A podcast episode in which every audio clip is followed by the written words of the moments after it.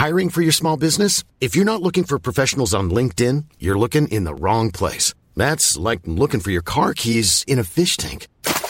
LinkedIn helps you hire professionals you can't find anywhere else, even those who aren't actively searching for a new job but might be open to the perfect role. In a given month, over 70% of LinkedIn users don't even visit other leading job sites. So start looking in the right place. With LinkedIn, you can hire professionals like a professional. Post your free job on linkedin.com slash people today.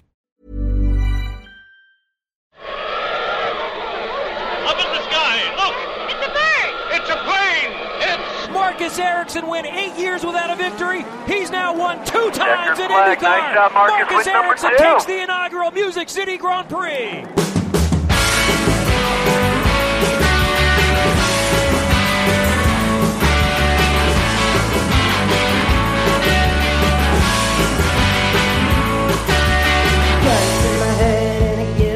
Gun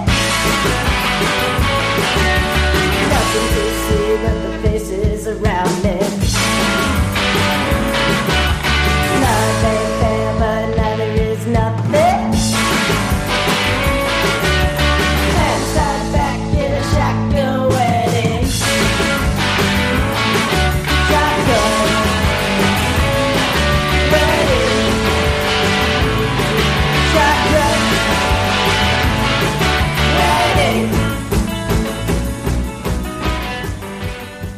Hej kära lyssnare! Välkomna tillbaka till Indiepodden nummer 92 i ordningen. Jag heter Jakob Fredriksson, Greger Farkas är med mig. Hej, hej Greger! Hej Jakob och hej kära lyssnare. Vi ska snacka igenom Nashville 24 timmars. Eh, Ja. Det var, ja, det var ju en eh, minst sagt, minst sagt intressant lopp Nashville bjöd oss på. Vad var din, dina spontana reaktioner på all action på banan? Alltså spontant, jag undrar om man inte ska börja med en slags, eh, en slags här Marcus Eriksson, tjalalalala. Eller något sånt där. Ja, Det, det är väl den, den absolut största behållningen. Sen var det ju så mycket som hände. Eh, både positivt och kanske mindre positivt. Så att vi, jag har svårt att peka ut en grej. Men om jag ska välja en så... Ah, Colton Hurtas miss där på slutet. Det var, det var liksom, det var ett sånt antiklimax på, på en hel helg av dominans. Så att det, om man bara ska peka på ett ögonblick förutom eh, Marcus Erikssons eh, fantastiska seger så är det nog det ögonblicket när Colton sätter den i muren. Själv då Jakob? Jag skulle nog vilja fokusera på den stora pile-upen. Eh, andra, tredje gulflaggen blev det ju, första rödflaggen när det visade sig att eh, det kanske inte var bästa stället att ha omstart, omstarterna på just det trängsta området på banan. Och det visade ju sig att alla försökte ju tjuva i de situationerna och det gjorde det ganska svårt för ja, loppet att se som en stor sjungande framgång. För det, det här var ett lopp som vi har hypat ett år. Första sprillans nya Indycar-loppet på väldigt länge. Det ko- kommer inte gått banor, men det här första sprillans nya stadsloppet på tio år. Eh, så en, en del växtverk. Eh, men vi kan väl börja i alla fall med gå igenom Marcus Erikssons race. Ja, vi måste ju börja där. Alltså vilken, eh, vilken grej. Och jag undrar om inte jag måste, om vi ska prata Marcus Eriksson och hans seger. Jag tror jag ska börja med en sån här trevlig eh, personlig ursäkt.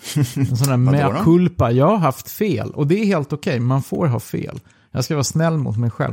Men jag, jag vet att jag är flera gånger i olika sammanhang hävdat att så här, men Marcus Eriksson och stadsbanor är kanske inte, kanske inte en så jäkla bra kombination som det ibland har sett ut. Och så går han och vinner Belle Isle och så går han och vinner i Nashville. På två eh, relativt typiska stadsbanor. Så jag, jag, är, jag är för evigt eh, bevisad fel. Jag hade fel, helt enkelt. Marcus Erikssons eh, framgångar i Macau till exempel, långt före en Formel 1-karriär, det var inte någon slags eh, fluk, det var ingen tur liksom, utan det, det är rätt uppenbart att han, han trivs ju här när, när han har materialet på sin sida. Han trivs ju på sådana här banor. Ja. Så förlåt Marcus Eriksson om du lyssnar på det här. Ja, ehm, han är sitt livs form, får man ju lov att säga. Och det visade ju sig under loppets gång, för kvalet var ju inte, någon, var inte bra för honom, 18 Nej. plats. Eh, inte för att eh, han var långsam på träningarna, utan han var ju i topp 5 på träningarna. Men han körde i muren på kvalet och slog, slog sönder framhjulsupphängningen när det gällde som mest. Och, eh, Och är inte det, men är inte det också rätt intressant? Är inte det också ett tecken på vilken otrolig form Marcus Eriksson är i? Att trots att, okej, han har höjt kval, kvalnivån lite grann, men det är, det är fortfarande en akilleshäl. Eh, när man tittar på hela racehelgerna. Och ändå så får han med sig resultaten. Även om vi bortser liksom från gårdagens seger så han är, ju, han är ju den som har plockat flest poäng sen eh, Indy 500 i hela fältet. Och, och med ganska god marginal till, till Alex Palou om man bara tittar på de fem race som har kört sedan dess. Så det, det här att, han in, att, att kvalen är fortfarande inte är liksom hundraprocentig att han inte är med där bland de 12 åtminstone och, och slåss om topplaceringarna. Men att han ändå får med sig poängen i, i race, det, det tycker jag också bara stärker bilden av att jäkla vilken form han är i. Ja, det är hans racecraft. Han tar ju tio platser kan man ju räkna med när han startar så där lång- långt bak. Och när han Ja. startar långt fram som på Mid-Ohio så räcker det ju nästan en andra plats blev det ju där. Ja. Ehm, så hans start blev ju väldigt bra. Han tog ju tre platser på första varvet och sen omstarten, eh, ja, han var, där var han i och för sig förtjänt en bestraffning när han kör över Sebastian Bourdais. Han var väldigt het där. Han var väldigt het på gröten. Jag förstår att han, han bad eh, Sebastian om ursäkt sen direkt efter, efter racet. För att det, ja, han var lite för het på gröten där. Ja, jag utbrast, vad tusan var det där? Eh, eller Sa du verkligen något liknande. Var det Ja, verkligen? Vad för- tusan? Eh, eller något, något åt det hållet. Mm. För det är så där högt ska ju inte en racerbil flyga. Nej, det såg lite orimligt ut. Och framförallt, en, en formelbil ska liksom inte hålla för det där. Mm. Och nu har inte jag sett några kommentarer eh, dagen efter racet om i vilket skick Marcus Erikssons bil var efter den där turen. Men eh, har du gjort det? Alltså, nej, men eh, prestandan påverkades ju inte av det. Det verkar ju inte så. Och det, det får inte gå till på det sättet. Eller det får det visst det. Ni fattar väl ni som lyssnar. Jag är ironisk. Jag ironiserar. Jag älskar racerbilar som håller. För det är ju väldigt tråkigt när, när race avgörs av tekniska problem. Men jäklar vilka, vilka tanks de här bilarna är alltså. Ja, Connor Daly kommenterade på Twitter efter loppet att han aldrig sett en bil nå sådana höjder och sen gå och vinna loppet också. Det var ett eh, VTF moment riktigt för Daly som var, ju- var ju precis bakom när det här skedde. Mindre kul var ju för Bourdais som tvingades ju bryta där. Och konstiga krafter då när bilen som flyger högt håller, går och vinner loppet medan Ja. den som blev påkörd blev ju en punk- punktering, kanske det som rev sönder Ja. Bourdais bil snarare än kontakten med Marcus. Men ehm, Jag Ja. undrar ju hur Mackans svanskota mår. ja, det är också en sak som man funderade på på en gång. För man har, har ju sett förare gå sönder av mindre olyckor. Ehm, Ja, det alltså var väl den Formel där... 2 i Barcelona här, här om året som eh, den här indonesiska föraren. Ja, Gael. Precis, han körde, studsade ju över några sådana här det. curbs och cross och gjorde ju illa ryggraden ganska illa. Just det, stod över flera race va? Mm. Också Dalar som bygger de bilarna. Men det här, det här kanske är Indycars styrka ändå i och med det här spec-reglementet. Att man kan de kan fokusera så mycket på att bygga riktigt hållbara bilar. Snarare än att tänja på gränserna som man gör typ i Formel 1. Just det, de håller och de är, i, de är säkra. Liksom. De är byggda för en enorma impacts. Men eh, med, det, med den olyckan nämnd så kan väl jag komma in på vad som händer nästa omstart och då är det ju den här stora pile-upen som jag var inne på. Eh, och det här är en viktig aspekt i ändå Nashvilles Grand Prix, Music City Grand Prix framtid, för jag tycker man ska flytta på den omstartslinjen.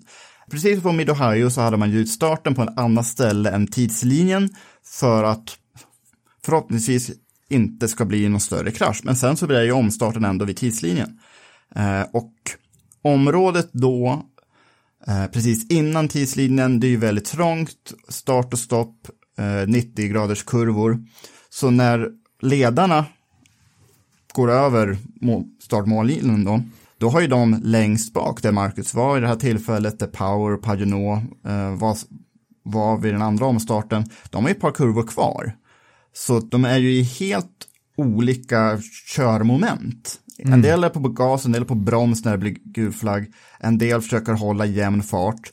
Så det är självklart då att de som kan, kan gå på gas gör det och försöker tjuva lite. Och det orsakade ju nu två ganska rejäla krascher. Eh, Så jag tror de behöver tänka om där i Nashville och faktiskt ha omstarten också på någon av de långa raksträckorna. Det här var ju också det största Indycar-fältet förutom på Indy 500 på ganska länge. 27 bilar kom till start.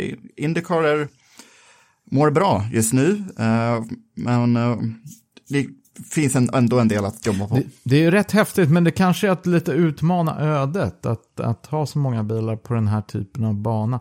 Men, och jag håller helt med dig, det här, är, det här går säkert att lösa, eller i alla fall förbättra förutsättningarna genom att flytta omstartslinjen eller omstartspunkten inför, inför nästa gång de ska tillbaka hit. Men jag tänker också om man, om man ser på förarnas agerande vid omstarterna. Såg det mm, inte lite amatörmässigt ut eh, ibland? Menar Alltså det är, en, det, är, det är väldigt långa race vi pratar om liksom. Att hålla på så här och, och hugga eh, för att eventuellt sno åt sig en placering liksom när, när det är, när det är 60-70 varv kvar av, av ett stadsbanerace och man vet att saker kommer hända. Är inte det lite sådär amatörmässigt? Menar du inte en förares agerande? Ja, det var ju en som utmärkte sig som alltså, generellt verkar vara en väldigt frustrerad ung man höll jag på att säga, men särskilt ung är han inte längre, eller? Va? Uh, Will Power alltså? Ja. Ja, det är han som orsakar första incidenten när han först petar till Simon Paginot och sen så ja, blir banan blockerad av Jimmy Johnson och ja, Dalton Kellett och en del andra. Så ja, det är inte första gången Power gör konstiga saker, förmodligen inte sista heller. Vilken plats kom Power på i mål då? Någon särskild bestraffning fick han ju inte, men han kom ju i mål till slut på en fjortonde mitt i fältet. Eh, så ingen bra he- helg för Penske överlag ändå. Nej, verkligen inte. Och, och jag tyckte lite synd om uh, Newgarden som eh, verkligen har låtit superpepp inför det här racet som, eh, som körs i hans hemstad. Och det, det blev ju inte mycket att skriva hem om. Eh, En rejäl krasch på kvalet. Där han ändå lyckas köra undan den där jättekvaddade bilen så att minimera liksom eh, gulflaggen. Eh, där kvalet med en 12 start, 10 i mål för Newgarden. Vilket får mig att tänka på återigen eh, Mackans eh, luftfärd där i början. Det var ju liksom inte bara luftfärden och impacten, alltså nedslaget efter luftfärden, utan sen hade han ju en relativt bra bit kvar att köra för att komma runt in i, i uh, pitlane. Ja, Och under den, hela den tiden så kunde ju bilen också ha tagit rejält med skada. Så det var det, var det så att jag var rätt övertygad om att okej, nu är det kört. Även om de får ut honom så kommer han vara liksom någon slags sitting duck som, som bara harvar långt bak. För den där bilen är ju inte frisk liksom. Det kan Ja. den inte vara. Så att det, det bara bidrog till, till förvåningen över att bollen ändå studsade Mackans väg. Eh, ja, det var ju särskilt vanskligt när framvingen fastnade under däcken. Det är bland det farligaste som kan hända for- formelbilar idag. Eh, och gulflaggen skickas ju inte ut på en gång, utan de väntar med ungefär ett halvt varv. Eh, tills det visar sig att Bourdais skulle nog få svårt att köra in på efter egen maskin. Till slut lyckas han ju, han ju med det, men Marcus var väldigt nära att bli varvad där. Men här börjar ju ändå bollen studsa hans väg ändå. Han får en bestraffning. Eh, han är ju sist, men kan ju nu gå på en alternativ strategi som, ja, det var ju väldigt tursamt. Eh, det som hände direkt efter med den här pile-upen, att han kan gå in i det på igen. Den här bestraffningen blir därmed i princip noll. Han får en drive-through, men fältet neutraliserades pre- precis efter det. så. Och då har han mer bränsle och fräschare däck än resten av konkurrenterna som försöker nå varv 30 lite drygt för att klara en tvåstoppare. Och sen så blir det så många gulflaggsvarv så Marcus har ju också tvåstoppare men blir ju, kommer ju längst fram i fältet när de andra gör sitt första depåstopp. Så ganska många, ganska många faktorer som samspelar till att bollen gick hans väg. Liksom. Ja, det blev åtta, gulfla- eller åtta grönflaggsvarv innan eh, nästa krasch efter eh, rödflaggen då. Och det var ju Rinus VK som kraschade i första kurvan. Och då passar ju ledarna, Colton Hurta särskilt, och eh, ja, de flesta andra att göra sina första depåstopp. Och då var den här situationen när de som går i depå nästan lyckas köra om säkerhetsbilen. Just det. Det ter ju sig lite lustigt. Det försökte ju Audi och Lucas de Gras- de Grassi med i ett eh, Formel E-lopp nyligen. Eh, det, det lyckades på banan, alltså de Grassi tog ledningen genom att bara rulla igenom depån. Eh, men de fick ganska hård bestraffning för det. Det är inte meningen att det så, så ska Nej. gå till. Men det här gick nästan nu eftersom säkerhetsbilen var ju tvungen att runda Rinus VKs bil precis där.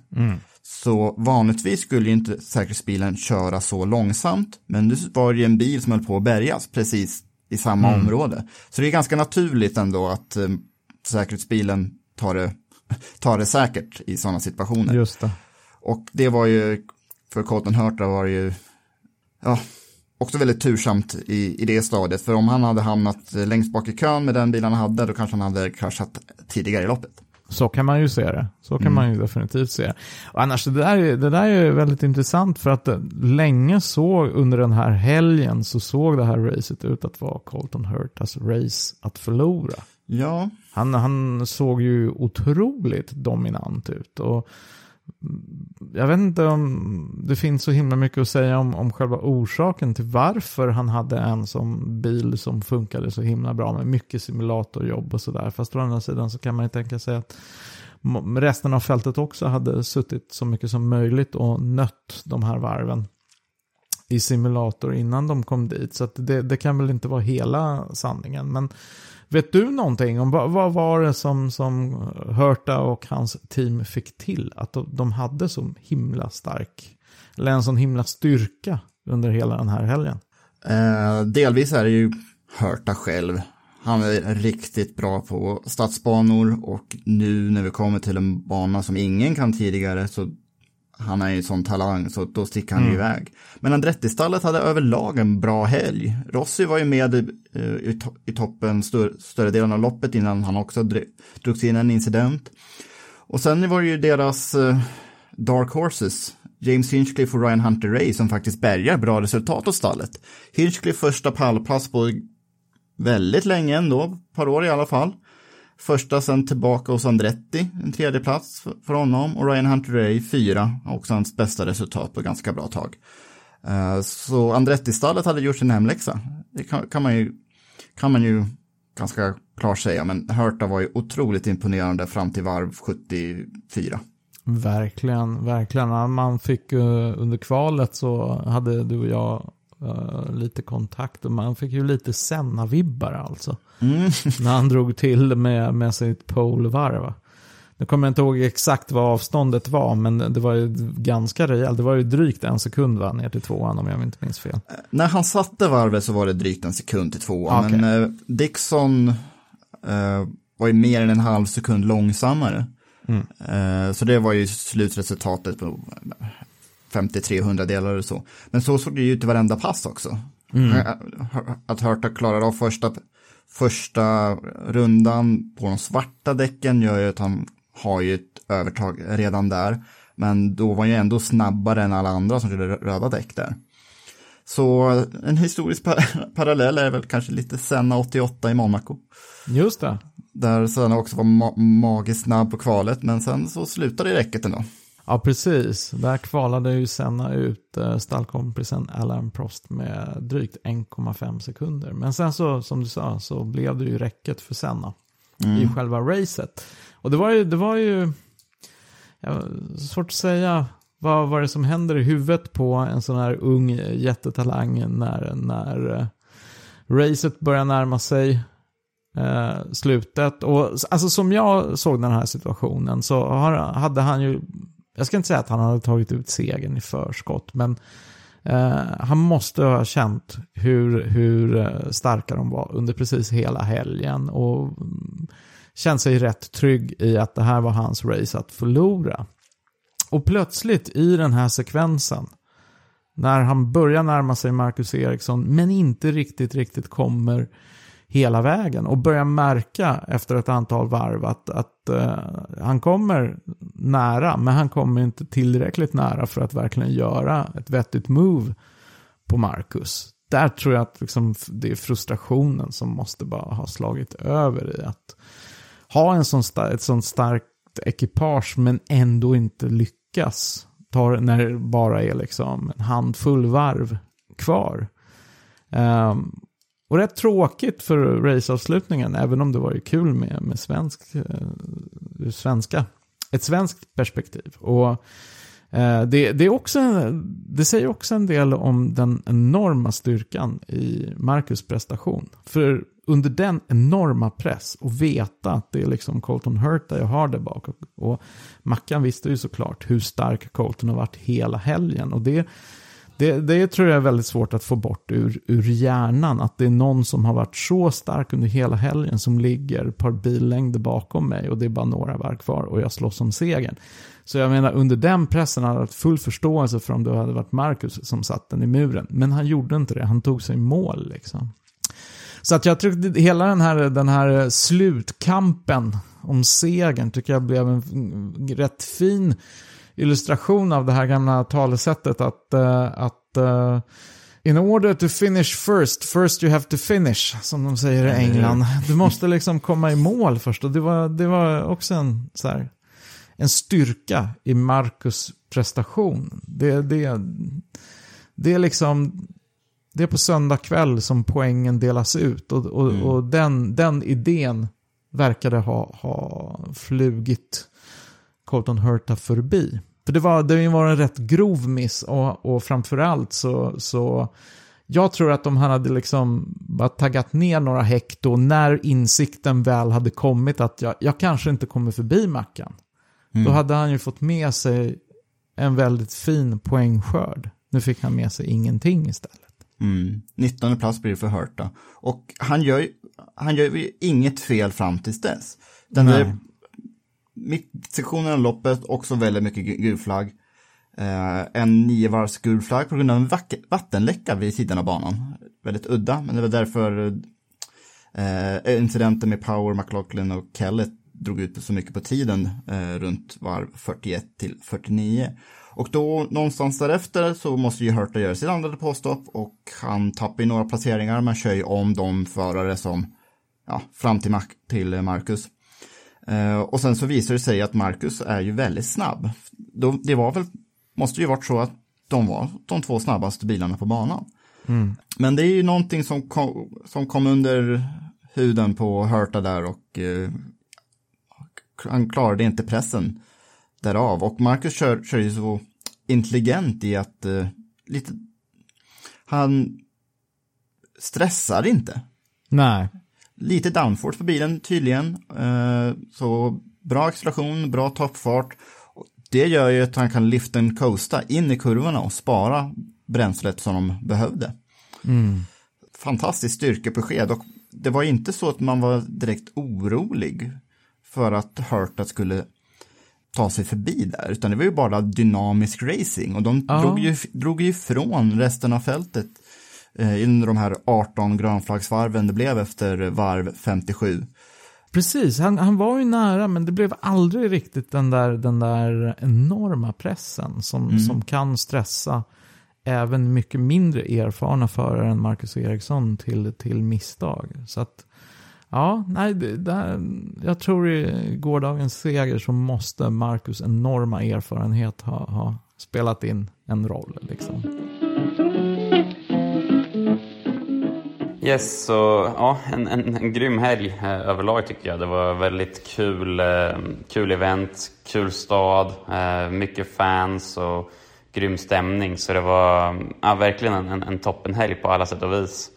Eh, tycker det funkar bra för mig från, från första varvet, kändes det bra. Jag kom in i körningen bra, bilen kändes som jag ville ha den. Så bra med på träningarna och det kändes verkligen som jag hade farten till att vara med i, i fas 6 då. Eh, men tyvärr på kvalet så touchade jag i muren där på de röda däcken så jag fick inget, eh, inget varv på de röda och eh, ja, missade ju avancemang på, på grund av det efter att ha varit, jag tror jag var två eller trea på de svarta däcken. Då. Så, ja, väldigt besviken efter kvalet för jag kände verkligen att jag hade en, en, en riktigt bra bil och bra känsla. Så det var tufft att, att, att line upp i 18 rutan där för racet men jag hade ändå goda förhoppningar om att, att göra ett bra race. Eh, visste att det skulle bli händelserikt på grund av just hur banan är, hur svår den är eh, köra och hur mycket incidenter det var under helgen så, så var det rätt så stor risk för att det skulle bli en, eh, en rörig tävling som, som det också blev. Eh, gick väl in med en målsättning av att försöka ta en topp 10, kanske topp 8 ifall jag hade en riktigt bra dag. Eh, var väl lite så jag tänkte. Eh, sen när racet väl startade, gjorde bra start, tog mig förbi tre bilar direkt. Eh, sen vart det ju caution och eh, var taggad på att göra en, en till bra omstart men då eh, jag vet inte, började jag drog iväg och sen slutade han accelerera och jag var precis i hans växellåda så jag hann inte reagera när han slutade accelerera av någon anledning så då flög jag rakt över han slog sönder bilen och trodde att det var slutkört. Eh, men på något sätt så höll bilen ihop och kunde kravla mig tillbaka till depån med trasig framvinge. Eh, teamet gjorde ett bra jobb och böt, eh, böt den till, eh, till en ny då, och jag hann ut och inte tappa ett varv, vilket var såklart väldigt viktigt. Eh, sen från den, från den punkten när jag väl hade gjort alla bestraffningar och depåstopp och reparationer som behövdes så var jag ju ja, helt sist i 25 rutan, eh, 25 plats. Och efter min stop and go eh, ja, var jag väl 20 sekunder bakom fältet också då, så då kändes det ju rätt så hopplöst. Men jag tänkte att det är bara att sikta på att försöka ta så många platser som möjligt, kanske komma in på en topp 15-plats. Men sen, ja, sen började racet gå lite min väg, minst sagt, eh, med allt som hände och jag hade väldigt bra fart på de röda däcken. Bilen kändes grym, eh, körningen kändes riktigt bra också. Och jag lyckades ta hand om däck och bränsle och vara snabb när jag behövde. Och eh, satte mig i en position där jag verkligen kunde utmana om det på, ja, på slutet. Då. Och de där sista 20 varven skulle jag säga är min, min bästa prestation eh, hittills i karriären. Att hålla Colton Hurta bakom eh, med den farten han har haft hela helgen. Han var ju såklart den snabbaste föraren eh, under den här helgen. Och hålla han bakom med dels sämre däck, eh, eh, eller mer slitna däck och behöva spara väldigt mycket bränsle. Eh, det var otroligt tufft och eh, jag är väldigt, väldigt stolt och nöjd över hur jag lyckades hantera det och hur jag lyckades planera körningen och liksom spara bränsle där jag visste att han inte han kunde köra om och verkligen satsa allt på att sätta utgångarna för att se till att han inte kunde attackera ner för de långa rakerna. Så nej, grym, grymt stolt över den insatsen och, och lyckas bärga segern. Så nej, känns fantastiskt. Eh, tar in mer i mästerskapet. Nu är jag inte så långt efter eh, Palou i ledningen heller. Alltså det är verkligen spännande. Jag har tagit mest poäng sen Indy 500 eh, med rätt så stor marginal. Så det känns verkligen som att formen är, är hur bra som helst just nu. Så det gäller bara att fortsätta nöta på. Kul med race igen nu till helgen på IMS som är en bana som vi kan väl. Eh, det känns som att vi har gjort rätt så bra framsteg på bilen sista tiden så vi borde kunna vara med och hota om en en seger i helgen igen som såklart kommer vara målsättningen. Så ja, ska bli, ska bli väldigt kul och jag är väldigt, väldigt laddad. Och hjälper nog att uh, få in sponsorer till stallet också nu. Nu när han körde i en annan skrud, Bryant istället för Husky som huvudsponsor. Förra veckan råkade vi säga att han inte hade kontrakt för nästa år. Det är ju lite fel faktiskt, utan uh, vi kollar ju upp det sen att uh, när pressreleaserna om hans styrning för i år kom ut förra året, eh, då står det ju klart tydligt multi-year eh, mm. i de här pressreleaserna, utan det är ju frågan att fixa ihop sponsorerna inför nästa år, snarare än kontraktet per se. Eh, så vi, vi allting tyder ju på att Marcus kommer ju köra Ganassi nästa år också. Varför vill inte Ganassi behålla honom när formen är så hi- himla fin? Ja, det är väl svårt att ge en ny sponsor en bättre första resa än vad Bryant fick. Men vad, vad gör Bryant för något? Det är inte ett märke jag känner till. Känner du till vad de sysslar med? Eh, luftkonditionering passar ju bra när det var så hett till som det gjorde i Nashville. Det gör det verkligen. Så att det är ja, bra introduktionsrace för, Mm. för den sponsorn. så hur många gulflaggor blev det totalt? Var, var det nio vi landade i va? Ja, Eller? 33 varv gulflagg Ja. av 80. Det är lite för mycket. Längsta grönflaggperiod var de här 18 varven när Hörta jagade eh, Marcus. Två rödflagg, det är också lite mycket.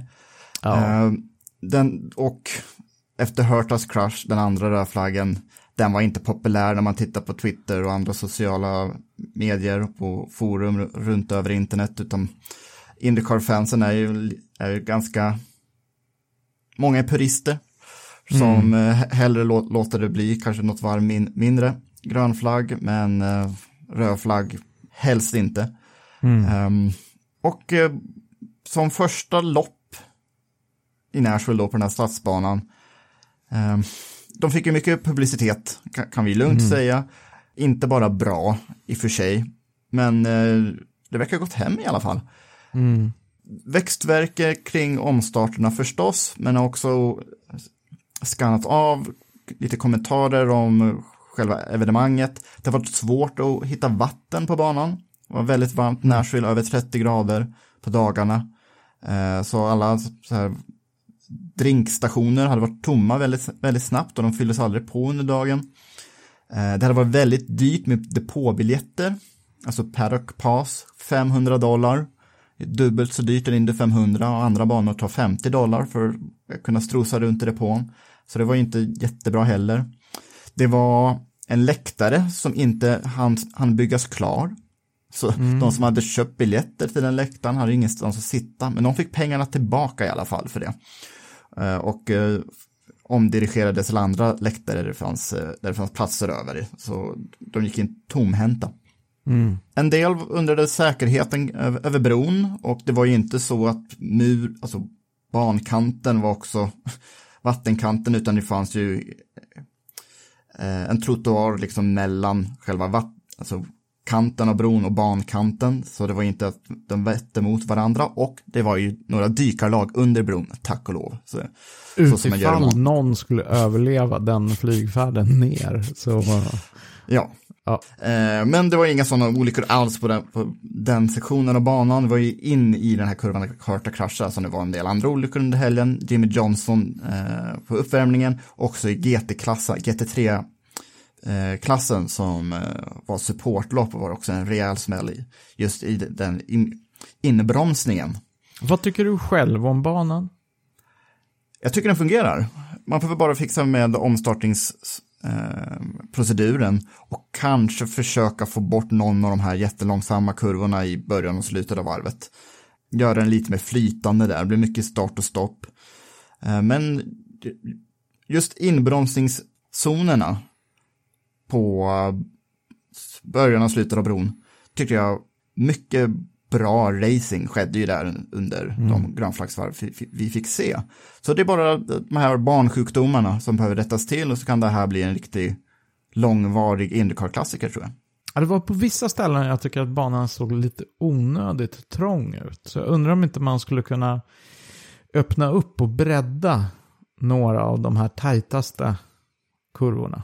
Nu, nu har inte jag varit på plats och jag vet inte om det rent fysiskt går, men, men och så, det såg ju väldigt, väldigt skakigt ut också. Så att, eh, men det är ju samtidigt, det är väl en del av charmen med, med stadsbanor. Så att, eh, jag var väl kanske inte sådär överdrivet imponerad av, av banan i sig. För man kunde nästan misstänka att det skulle leda till den här typen av hackiga, hackiga tävling med, med många avbrott, många gulflagg och, och till och med två rödflaggssituationer. Men ja, man kan, får kanske ge dem något år till och se, se vad, vad man kan liksom åstadkomma om man, om man får jobba på det här lite grann. Ja, Rom byggdes inte på en dag.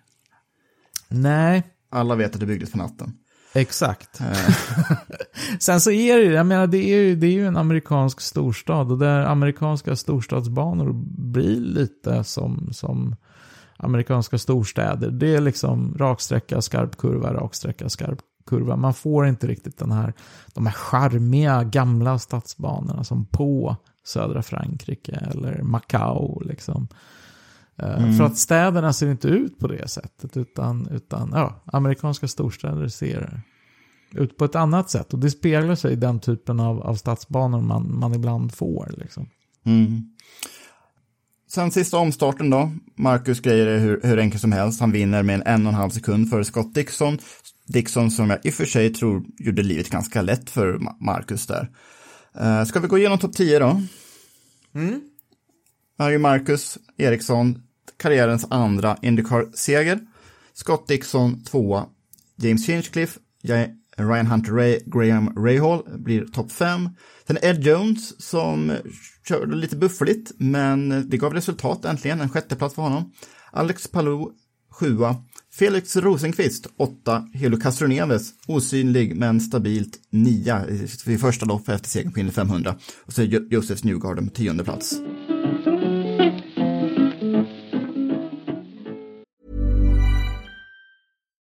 Millions of people have lost weight with personalized plans from Noom, like Evan, who can't stand salads and still lost 50 pounds. Salads, generally, for most people, are the easy button, right? For me, that wasn't an option. I never really was a salad guy. That's just not who I am. But Noom worked for me. Get your personalized plan today at Noom.com. Real Noom user compensated to provide their story. In four weeks, the typical Noom user can expect to lose one to two pounds per week. Individual results may vary. Hey, it's Ryan Reynolds, and I'm here with Keith, co star of my upcoming film, If, only in theaters, May 17th. Do you want to tell people the big news?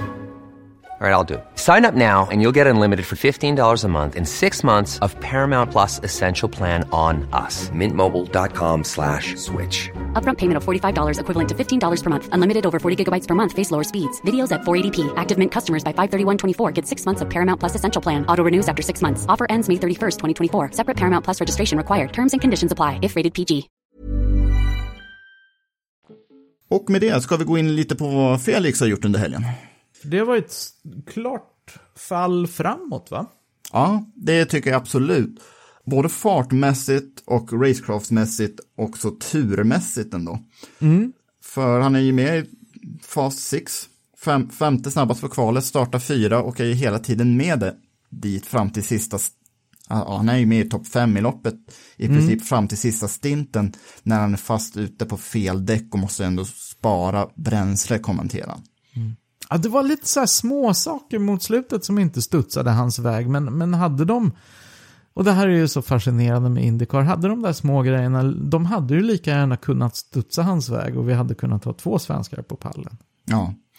Eh, han var ju för, ute på svarta däcken som inte var så välvilliga vid sista omstarten, så han förlorade ju två platser där och precis innan så hade han förlorat en plats till Graham Rahal också.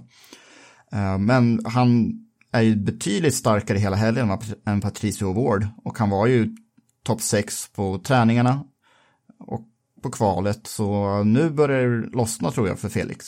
Mm, jag hoppas verkligen det. Och, och till skillnad från Marcus har jag har ju alltid sett eh, Eh, Felix som en, som en stadsbanespecialist. Eller kanske inte en specialist, men väldigt duktig på, på stadsbanor som naturligt kommer till sin rätta med sin, sin förmåga på den här typen av tajta, jobbiga ställen som eh, Macao och, och jag menar, många av de Formel E-banor som han tävlade på liksom, passade ju hans, hans sätt. Eller han fick ut väldigt mycket av de banorna. Och det, det var lite det som blixtrade till när man såg honom. Inte minst på kvalet. Det var så sjukt roligt att få med honom. Eh, inte minst efter, efter den här bedrövliga säsongen som den har varit hittills. Men det var väldigt, väldigt roligt att se, se Felix dyrka upp sin egen och bilens potential på ett sätt som, som jag inte alls tycker att vi har sett hittills i år. Utan det, det har liksom eh, glimrat till lite då och då. Men, men i det, stora hela har det varit, eh, har det varit en ganska tråkig historia. Men, men ja, hoppas verkligen att det här är liksom tecken på en längre vändning. Och också bästa skevan var han i mål. Och det, det får man inte heller underskatta. Att här finns det liksom en intern kamp bland, inom eh, motorleverantörsfamiljerna. Och det, det tror jag inte går helt obemärkt förbi att han faktiskt var bästa skeva.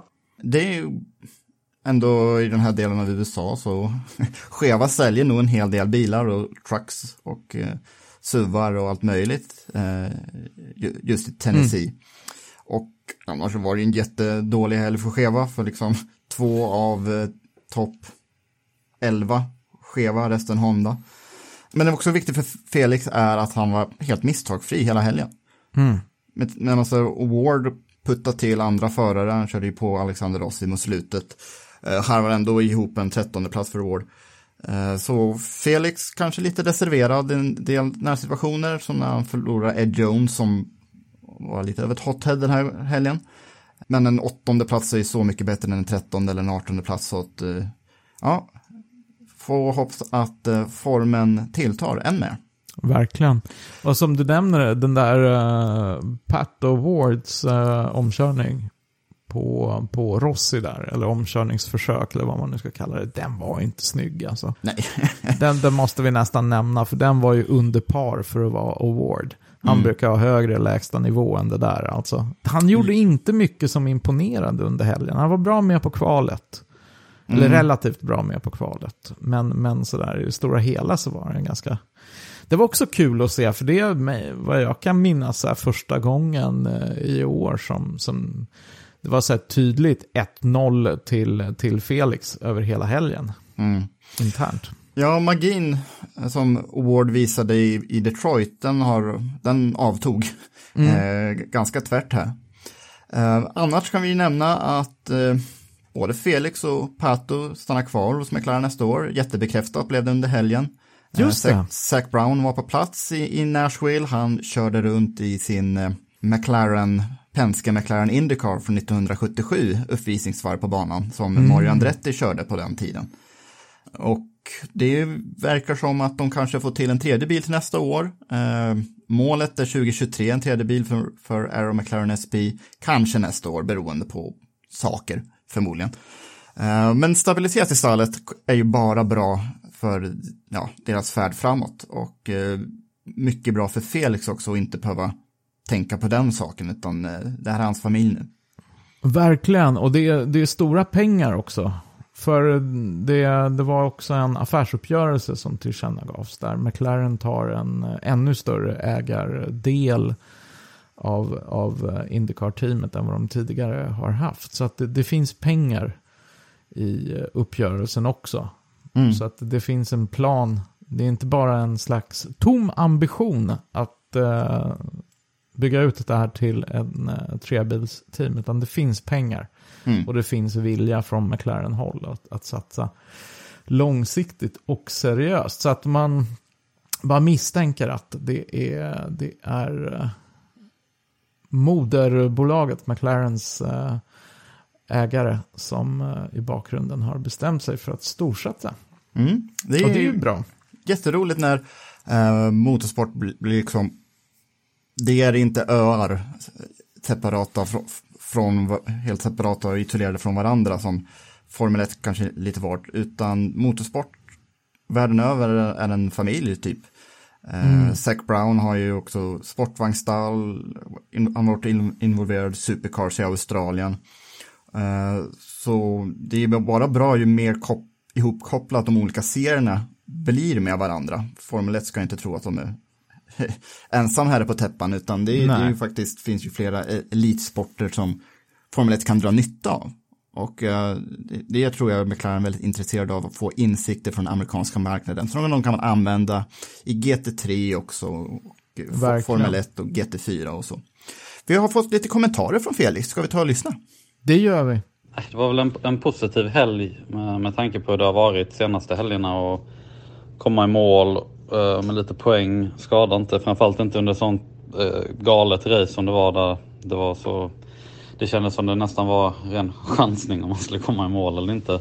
Eh, egentligen inte för egen del men eh, på så sätt som andra körde i racet så så var jag rätt glad att jag inte blev eh, inblandad i någonting. Kvalet var väl highlighten. Lite sur att jag inte blev bättre i, Fast Six än, än femma men det, det kändes som att vi tog ett bra steg och, och listade ut lite varför eller hur vi, hur vi kan vara snabbare i kvalet. Men sen i racet så, så krävs det fortfarande lite mer. Alltså vi var absolut bättre än vad vi brukar vara. Men mm. uh, kändes, kändes inte riktigt som man kunde attackera utan det var mer defensiv körning hela racet. Uh, så lite mer att jobba på där men det, det är precis sådana här helger vi behöver nu när man kommer liksom framåt istället för bakåt. Och, och, och förhoppningsvis kan vi vara framme och slåss i, i Fast Six fler race nu och, och, och starta lite längre fram vilket är, det, man måste nästan göra det i Indycar för att inte, inte liksom mm. falla öde av någon annans misstag. Ja, det var ju ett galet race minst sagt. Och, vad, hur, men alla de här omstarterna, hur påverkade de ditt race? Ja, det började väl ganska bra. Uh, vi höll oss till mer eller mindre samma strategi som alla andra i topp 8 som hade eh, röda däck till att börja med. Men det blev ju, eh, som ni såg, väldigt mycket gulflaggor och Eh, svårt att liksom få något momentum i racet och sen till slut då blev det så mycket så att strategierna började splitta sig. Eh, och sen fortsatte det så egentligen fram till varv eh, 50 någonting. Och där blev det ju, där gjorde vi ett beslut att gå in igen, lägga på ett, ett eh, svarta och försöka hålla oss kvar hela racet vilket krävde att det blev någon form av eh, yellow innan slutet då för, för att kunna klara det vilket vilket skedde, men det var ändå rätt mycket eh, fuel save från min sida för, för att kunna komma i mål. Um, men det kändes väl som en okej okay strategi. Det var väl nästan mer lotteri än någonting annat. Uh, vilken strategi man skulle ta. Uh, och det, det kändes som att det var Dick som blev tvåa på den strategin. Jag tror jag var kanske trea, fyra på den strategin. Så helt okej okay beslut men uh, det tråkiga var väl i slutet att jag hade svarta däck och inte röda, vilket nästan alla andra runt omkring mig hade. För jag hade inte en chans att försvara mig efter rödflaggan när, när däckstemperaturen sjönk så mycket och bantemperaturen framförallt sjönk. Eh, I och med att det var nästan mörkt ute när vi, när vi omstartade. Då, så att, eh, jag har sett att jag tappade två platser i sista varvet men eh, allt som allt får man säga en, eh, en positiv trend den här helgen. Avslutningsvis, vi har ju nu fått bekräftat att du, att du blir kvar i McLaren över 2022 eh, och att McLaren dessutom går in som eh, majoritetsägare från och med nästa säsong eh, för, i, i teamet då. Vad, vad, betyder det för dig att få förnyat förtroende redan nu och att man inte behöver gå och vänta på, eh, på besked om, om en fortsättning? Det är egentligen varit klart från början att jag ska att jag ska köra nästa år så det är inga, inga nyheter för mig men det är roligt. Eh, de nyheterna som, som, som kom i, igår är såklart roligt för teamet och det, jag tror det kommer, kommer stärka oss ännu mer som team och, och det, det, visar liksom att uh, Zac och McLaren är väldigt seriösa med, med det här Indycar-projektet. Så att, mm. det, blir, det blir roligt att se vad det, hur det kommer, framförallt nästa år, hur det kommer förändra och förbättra teamet. Ja, kul med några ord från Felix Rosenqvist. Men eh, nu har vi ju eldstött och blött helgens tävlingar i Nashville, Jakob. Men det är ju, vi har ju mer roligt framför oss också. Ja, redan på lördag är, är vi tillbaka. Eh, eller är Indycar tillbaka. Indianapolis Grand Prix igen. Nu blir det den här berömda double eller triple eller quadruple headen tillsammans med Nascar. Mm. Uh, Nascar har ju slopat sitt klassiska Brickyard 400 på ovalen i Indianapolis. Utan de kör också GP-slingan på söndag och Indycar blir lite supportlopp till det, men det gick hem för, förra året. Så varför inte en gång till uh, och ett extra lopp för Indycar-grabbarna. Men ni vet så mycket om banan så vi ska inte gå igenom allt, allt det där, men vi kan ju nämna bara att det var ju VK som vann där i maj före Grosjean och Palou. svenskarna gick det ju sådär för den gången, 10 och 17 för Marcus respektive Felix. Det finns inte så jättemycket att säga om den banan för att vi kan den så väl och vi har gått, gått igenom den så många gånger. Det är en väldigt annorlunda bana i alla fall jämfört med vad, den som vi precis lämnar bakom oss. Ja, så på det sättet så blir det en väldigt kul kontrast, inte minst för att se hur det går för Felix, som, som definitivt lämnar lite av ett styrkebesked och förhoppningen, en förhoppning om att det, det är någonting som har vänt till det positiva. Men det, det blir väldigt intressant hur, hur han och hans bil och hans team funkar på en bana som är så väsensskild från, från eh, Nashville. Ja, och när jag tittar på resultatet från maj nu när du säger det så ser jag ju att det är helt andra förare och stall som var högst upp då. Då var det VK som vann och VK i Nashville var ingenstans. Grosjean Nej. var med lite okej okay i Nashville men fick inget resultat med sig. Palou var ganska, ja, inte alls i Nashville heller. Nej. Justus New, Newgarden kom fyra i, i maj. Eh, hade kass helg i Nashville. Graham Rahal är den enda som topp fem både i Nashville och på Indy Grand Prix i maj. Han kom femma då. Sen Paginot, ingenstans i Nashville. Rossi var med men fick inget resultat. McLaughlin, eh, inget resultat i Nashville. Skräphäll för han med. Så det är helt andra förare som var starka där, även om de bägge mm. road courses man svänger både höger och vänster. Eh, så att eh, det, det börjar ju vi börjar komma in på upploppet nu i årets eh, Indycar och det är ändå hyfsat öppet i mästerskapet fortfarande. Hur spännande som helst. Ska vi gå igenom kanske vilka förare som ligger högst uppe i mästerskapet då? Ja, men vi gör det.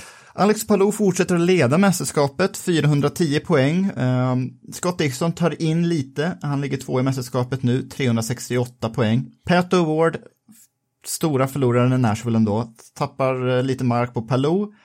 Eh, 362 poäng. Josef Newgarden, hans mästerskapschanser fick sig en rejäl törn nu. Eh, 335 poäng och Newgarden är ju nu rejält skuggad av Marcus Eriksson som är bara fyra poäng efter. Marcus kvar på femte plats i mästerskapet. Eh, Graham Rahal, jämn, plockar poäng hela tiden, sexa i mästerskapet på 286 poäng. Simon Pagenaud, sjua med 280 poäng. Colton Hurta, bara åtta. Om man hade tagit sig i mål på den andra platsen så hade han ju legat sexa i mästerskapet, men Herta ligger på 275 poäng och kan nog räkna bort honom från mästerskapet nu när han ligger mer än 130 poäng efter, 135 poäng efter Palou. Samma sak gäller nog för Rinus VK som var ju med i topp 5 tidigare i år. 263 poäng och sen Takuma Sato har 231 poäng, tionde plats i mästerskapet. Ja, den där tionde platsen förvånar mig att Takuma är det. Han är, ju, han är ju, helg efter helg så är han väldigt blek. Så det där att han ändå har en tionde plats tyder på en viss jämnhet. Men det är ju, det är ju ganska anonyma poäng Takuma plockar i år. Ja, och nu, kommer ju, nu bröt han ju den här stora pile-upen. Just så det. en 25, 25 plats gav, gav honom fem poäng nu. Um, men det har varit ganska annorlunda säsong för Takuma. Frågan är om han fortsätter. Han är en av fältets äldre förare. Det har ju varit lite snack fram och tillbaka om kanske Jack Harvey får, får den platsen hos Rahal till nästa, nästa år. Men Takuma levererar ju ja, de andra, andra gångerna, men han gör det inte spektakulärt längre, vilket är olikt honom. Mm. I alla fall, vi kanske sätter punkt där, eller vad säger vi? Ja, men vi gör det, Jakob. Vi gör det och ser fram emot att snacka ner nästa helgs eh, tävling. Förhoppningsvis med nya stora svenska framgångar även den veckan. Stort tack Jakob och stort tack alla som har lyssnat. Och stort tack till våra samarbetspartners Automotor och Sport, eh, Tico Racing Shop och glöm inte stefanjohansson.art att ni får massa rabatt om ni använder rabattkoden Indiepodden bara. Så med det sagt, tack och hej och vi hörs om en vecka igen. Det gör vi. Hej då! Hej.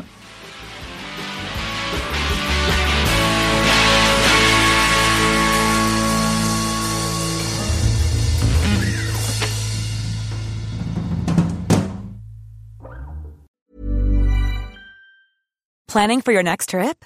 Elevate your travel style with Quince. Quince has all the jet setting essentials you'll want for your next getaway, like European linen, premium luggage options, buttery soft Italian leather bags, and so much more. And is all priced at 50 to 80% less than similar brands. Plus, Quince only works with factories that use safe and ethical manufacturing practices. Pack your bags with high-quality essentials you'll be wearing for vacations to come with Quince. Go to quince.com slash pack for free shipping and 365-day returns.